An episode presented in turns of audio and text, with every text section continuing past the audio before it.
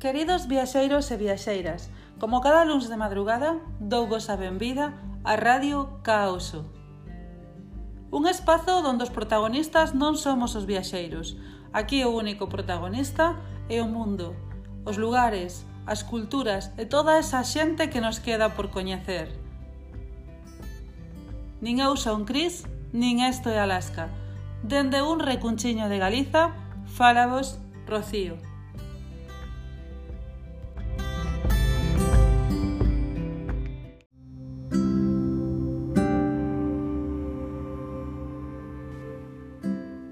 Non tería máis de 13 ou 14 anos cando oín falar por primeira vez deste lugar paradisíaco. Falaban de areais inmensos, de praias cheas de palmeiras, de vacas campando as súas anchas e pastando nas algas, de mercadillos, de festas...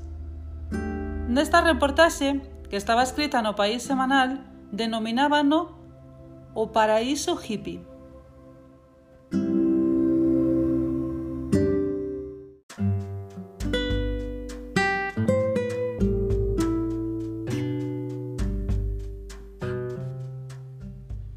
Amigos e amigas viaxeiras, agora sí, marchamos porque temos que marchar. Estánnos esperando no auténtico oasis indiano. Hoxe viaxamos a Goa.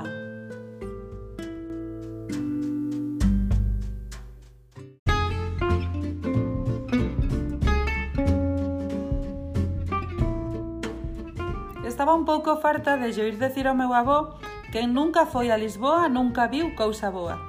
A miña volta de Goa descubrín que había unha frase incluso máis redonda, máis completa, e a frase decía Quen xa viu Goa non precisa ver Lisboa.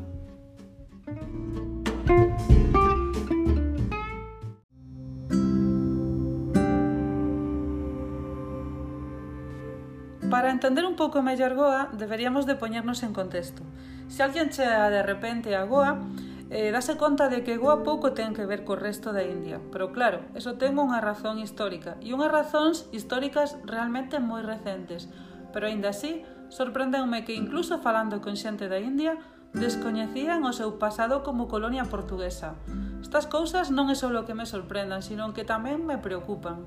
Eh, preocúpame a fragilidade da memoria, porque mm, son cousas que pasan pero que quedan aí e que apenas deixan pegadas, máis que as pegadas materiais, e iso é realmente para min bastante penoso.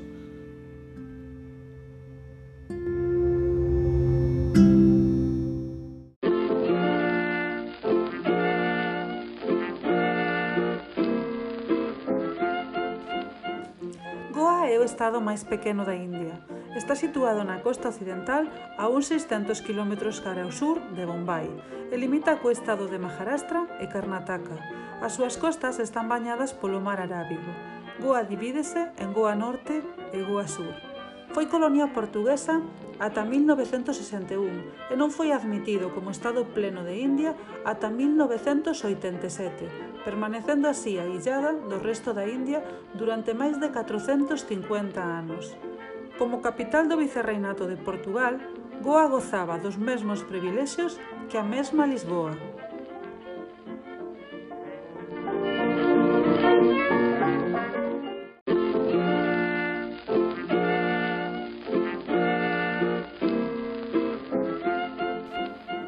Viaxamos a Goa dende Bombay, Mumbai para os indios, no Mangalore Express, un tren que vos recomendo altamente, non só polo recorrido que fai, que atravesa a xungla e incluso vai por riba de unhas pontes cunhas vistas maravillosas, pero ademais é recomendable pola súa puntualidade e pola súa limpeza. Bueno, é un dos mellores eh, exemplos de, de viaxe en tren que vos podedes eh, montar na India. Se realmente vos apetece esta experiencia, que xa vos digo que vale moito a pena, este é un tren donde ademais de todo o que podes visualizar dende as fiestras, tamén te vas a topar con unha vida, eh, con moita vida dentro do tren. En cada parada importante eh, sube xente para vender comidas, samosas, chai ou auga. E tamén vos podo decir que moitos dos vosos compañeiros de tren van a querer acercarse a vos e saber das vosas vidas. Algunos, incluso coa simple excusa de practicar un pouco de inglés. Cando te vas achegando a Goa, vas descubrindo que a paisaxe cambia, mentres que o resto da India era un pouco máis amarelento, o norte é como un pouco máis desértico, en canto vas entrando en Goa, vas vendo que a paisaxe eh, ten mil tonalidades de verde. Tamén pode ser que nesta época en que chegamos nós, xusto acababa de rematar Monzón. E eso, pois, eh, fixonos ver maravillas, eh, palmerais enormes, eh, vegetación como moi moi exuberante e ademais pois un montón de fervenzas. A auga está a raudales por todos lados. Ademais desta natureza que é tan, digamos, tan rica e, e tan exuberante, empezamos a ver tamén pequenos cambios na arquitectura, que logo, ao chegar a Goa e baixarnos do tren, podemos comprobar. O primeiro que podes comprobar cando te fixas na arquitectura é que cando no resto de a India está todo plagado de templos, sobre todo hindús, pero tamén eh, templos jainistas ou templos sikhs, E xusto cando chegas aquí a Goa vas a descubrir que hai un montón de igrexas. Non é normal que na India haxa igrexas, así que isto é bastante sorprendente. E, en a Bella Goa, en Olgoa, está a catedral, a sé, eh, despois desta sé tamén te podes topar con outras igrexas importantes como son a igrexa do Bon Xesús a Igrexa de San Francisco, a Igrexa de San Francisco Xavier e tamén a Igrexa de Fátima, que me pareceu impresionante, sobre todo polo feito de estar en India eh, podemos decir que a día de hoxe non é que estén moi ben coidadas, pero, pero sí que se ve eh, a enorme importancia que tuveron no seu tempo. Eh, de feito, por eso lle chamaban a Goa Dourada. O sea, a Goa foi unha capital moi importante, eh, decían que tiña máis habitantes que Ámsterdam e que Londres, o sea que nos seus tempos foi unha capital moi importante. Ademais destas diferenzas eh, arquitectónicas importantes eh, nestos edificios religiosos, tamén se poden ver as diferencias nas vilas, nas casas que están nas zonas coloniais.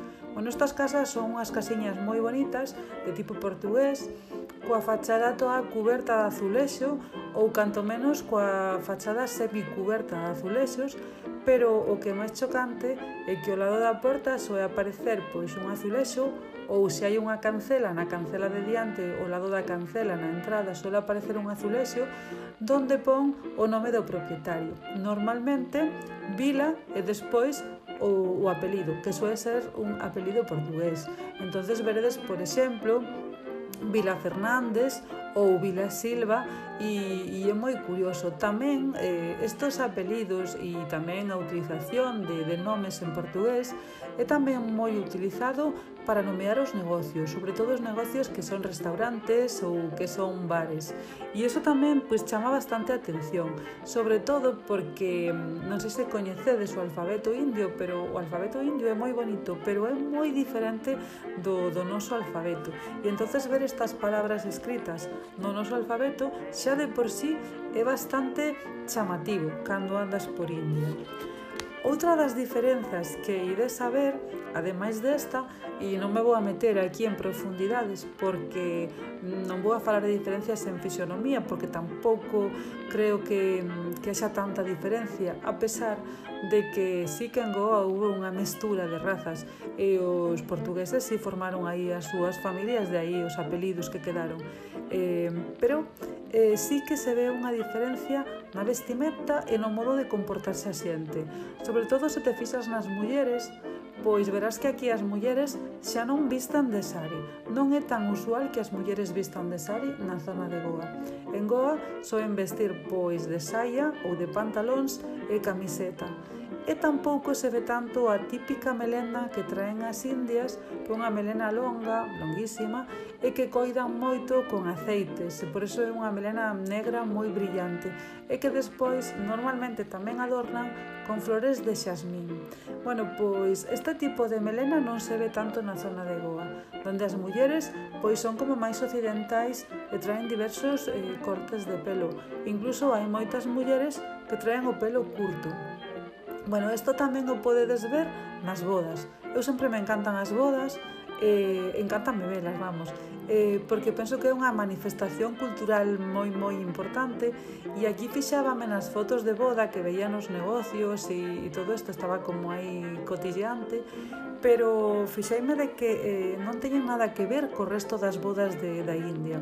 Nas bodas indias a noiva sempre viste de roxo o sea, para o día principal aínda que xa sabedes ou se non digo eu que as bodas indias duran varios días pero o, o día principal a noiva soe vestir de sari roxo sociaux. ou de laguenga. Laguenga é como unha saia con bo e logo na parte de arriba un top e despois poñen como unha especie de velo para taparse, porque as mulleres na India eh, non está ben visto mostrar os ombros nin mostrar os xeonllos, bueno, as pernas en xeral, pero bueno, máis arriba dos xeonllos pois xa é bastante atrevimento. Aínda que na actualidade pois hai moitas rapazas que empezan a vestir de modo bastante occidental.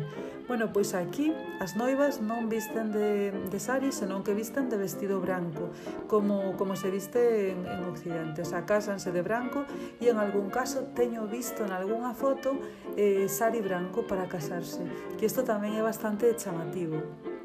Bueno, polas rúas tamén ides a topar eh, varios símbolos eh, cristiáns, como por exemplo que aparezca en calquera esquina un sagrado corazón ou que aparezca unha virxe de Fátima.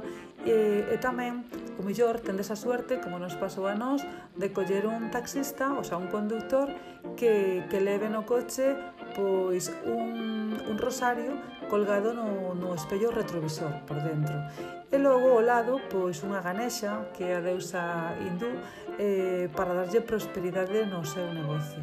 Eh, bueno, cando vas nun coche así, xa notas que vas protegido. É raro que pase algo a pesar de que a condución na India é temeraria, porque porque nin siquiera hai sentidos, o sea, conduces por, por onde lle cadra. Eh, os coches eh, conducen eh, feito, o sea, fruto do que foi a colonización británica, os coches pois conducen ao revés de como conducimos nós, pero de todas formas ali non se respetan moitas normas e todo funciona por o pitido, o sea, ti cando cabes, cabes e se non cabes pitas para que aparte outro eh, esto, eh, esta mezcla que vos viña dicindo de, das religións, pois levase moi ben na India, verdad?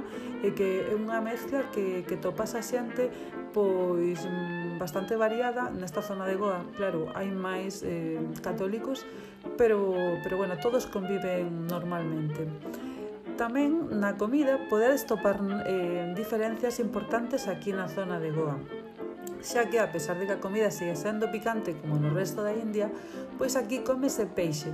Isto é algo que sí que sorprende un pouco, porque na India eh, comer pescado pois rexeitase bastante. E de feito non veredes pescadores polo resto da India porque non é nada usual comer peixe.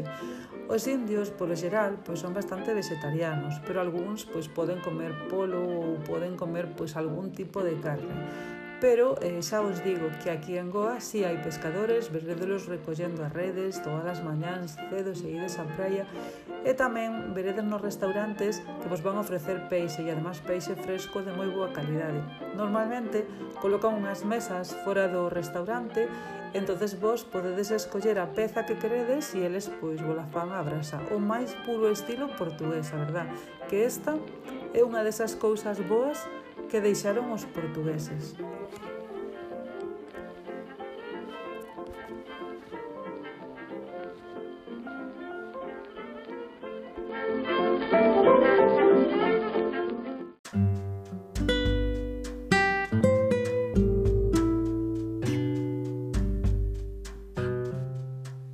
hoxe tampouco vos quero deixar ir sen contarvos unha anécdota. Bueno, en realidade hoxe traigo dúas anécdotas para que vexades un pouco eh, esas dúas indias que existen todo o tempo e que casi consiguen volvernos tolos.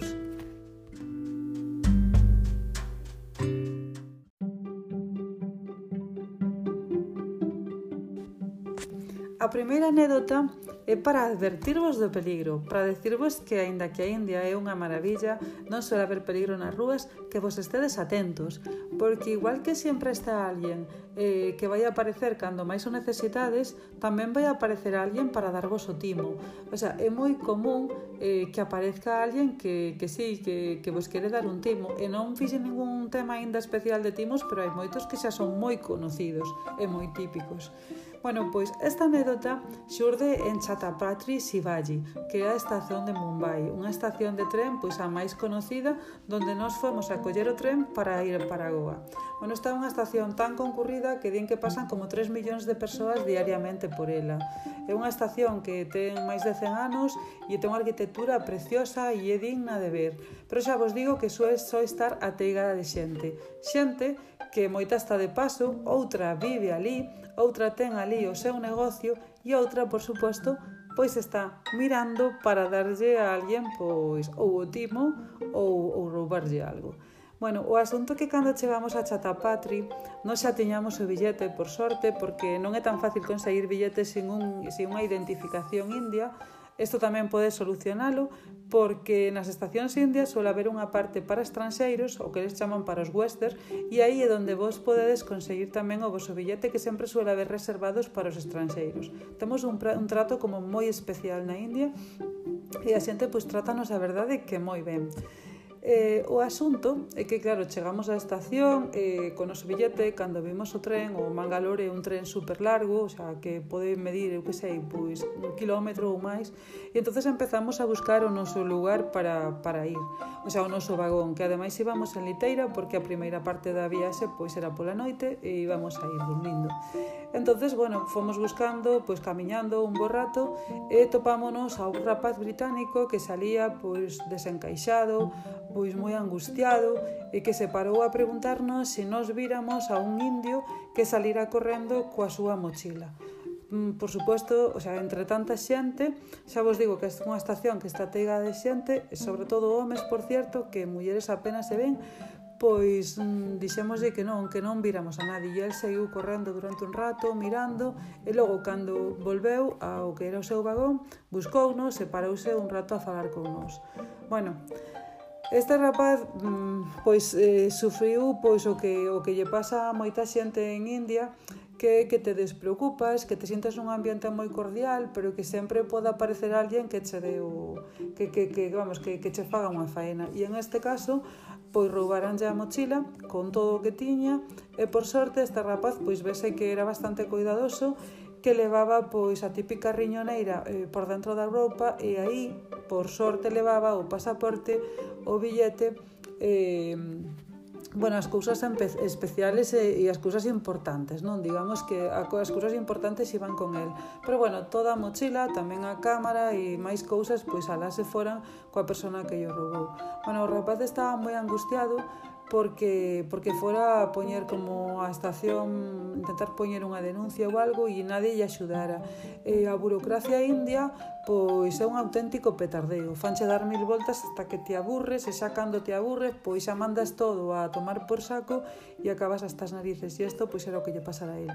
Bueno, lóxicamente él non nos viña a nos tanto como pedindo se sabíamos, se víramos a este rapaz, senón que máis ben viña pois a desafogarse, porque Porque a verdade é que cando topas un caso así, poste no seu lugar, e pensas, eh, si me pasa a min, o sea, si estou aquí e de repente me levan todo o que teño e me quedo co posto, o sea, que é da miña vida en India?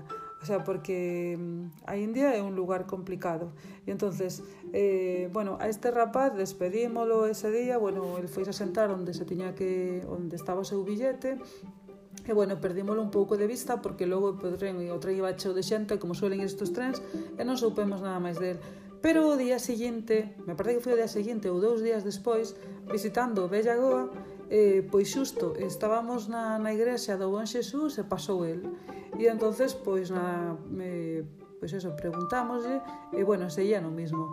Eh, contounos que, que nada, que ao final pois xa casi que como se dira por vencido, non? Que comprar algo de roupa e que, que se buscar a vida, porque vía moi complicado, o sea, que, que a policía fixera algo para topar a súa maleta, o sea, cando non lle fixeran nin, nin caso.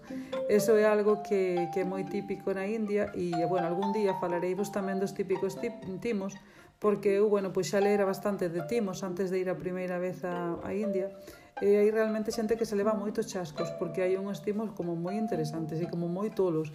E entonces pois sinteste aí como nun ambiente tan diferente do teu que é moi fácil que piques. E bueno, este é o, o digamos a anécdota un pouco tristona e desagradable.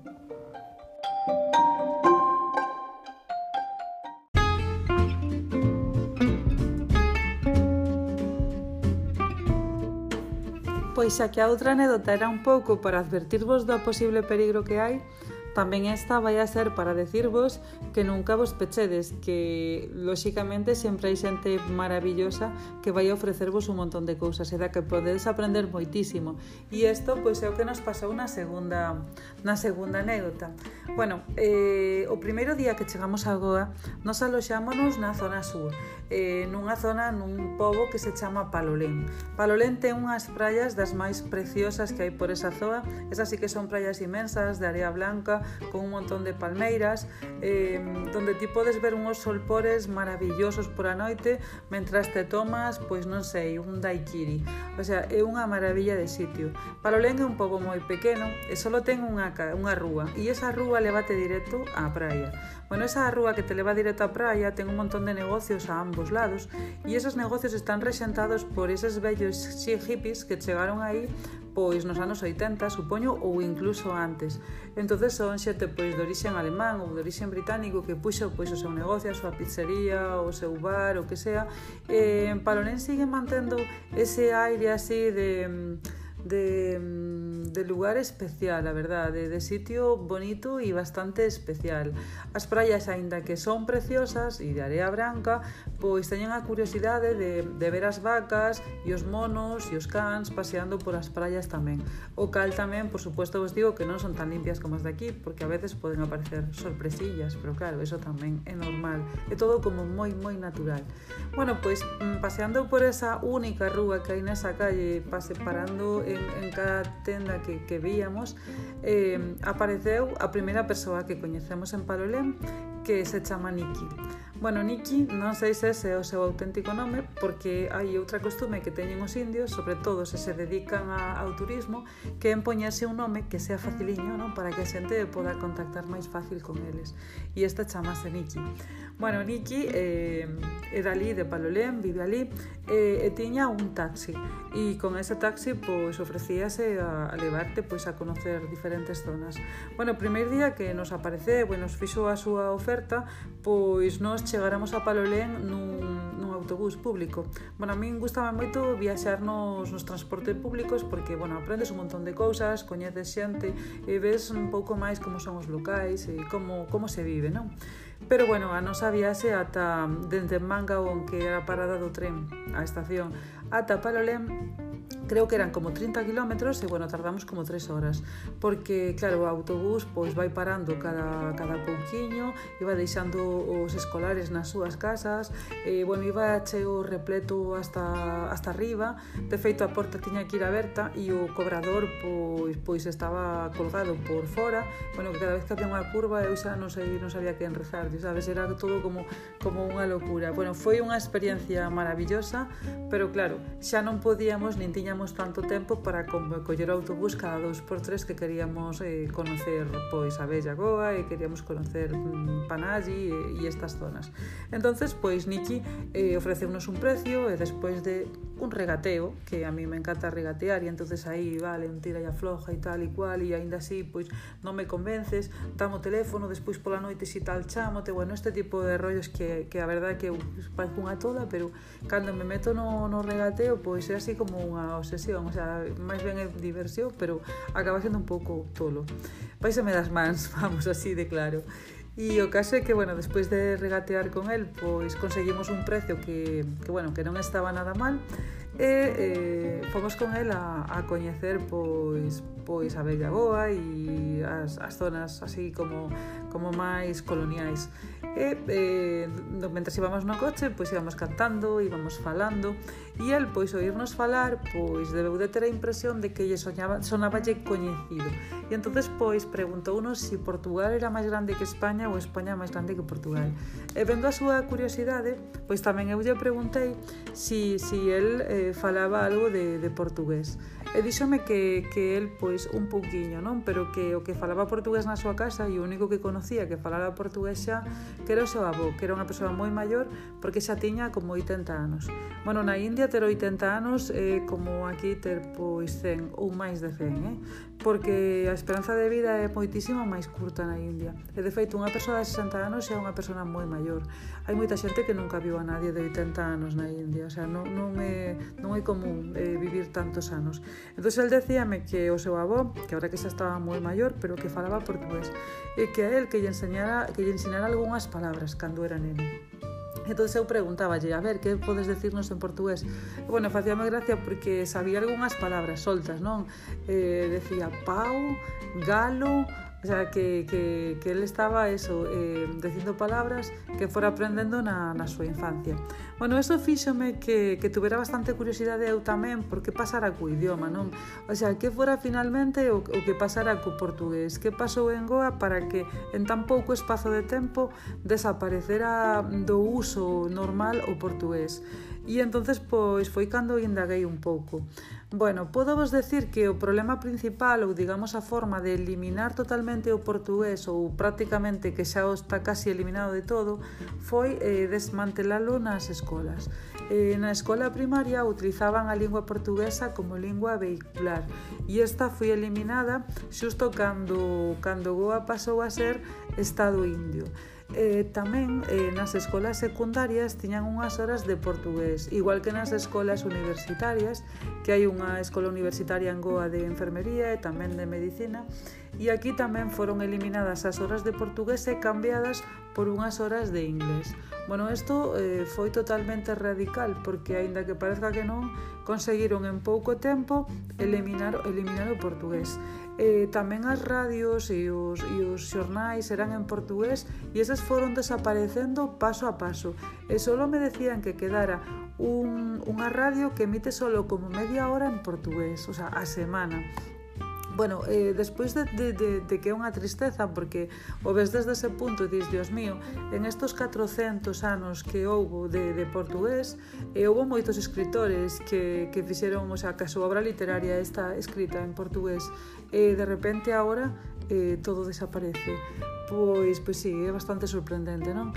Pero eh, acabei enterándome de algo que me pareceu moi curioso e tamén moi interesante que, que ainda existe eh, un, un dialecto que é unha mezcla entre unha lingua que había anterior á colonización portuguesa xunto co portugués. En ese dialecto empreganse palabras eh, collidas do portugués e outras palabras que había anteriores. Parece ser que ese eh, dialecto eh, todavía se, se mantén e ten menos pinta de desaparecer. Pero polo resto, podemos decir adeus ao portugués porque parece ser que, que xa eh, só queda unha xeración demasiado bella con moi poucos falantes e aínda que me dixeron que había algunha asociación eh, que quedaba por aí viva, pois o portugués eh, foi mm, desaparecendo e eu penso que xa tristemente é a hora de, de lle facer o, o enterro. Así de triste, pero é destas cousas que me están preocupando últimamente que é, Dios mío, que frágil son as memorias, que frágiles son, que pronto eh, se esquence todo, non? Que pronto pasa o tempo. Non sei se me estou facendo bella xa ou se me está indo a cabeza, pero estas cousas últimamente, de verdade, vos lo digo, que me están preocupando. E bueno, e así foi a anécdota.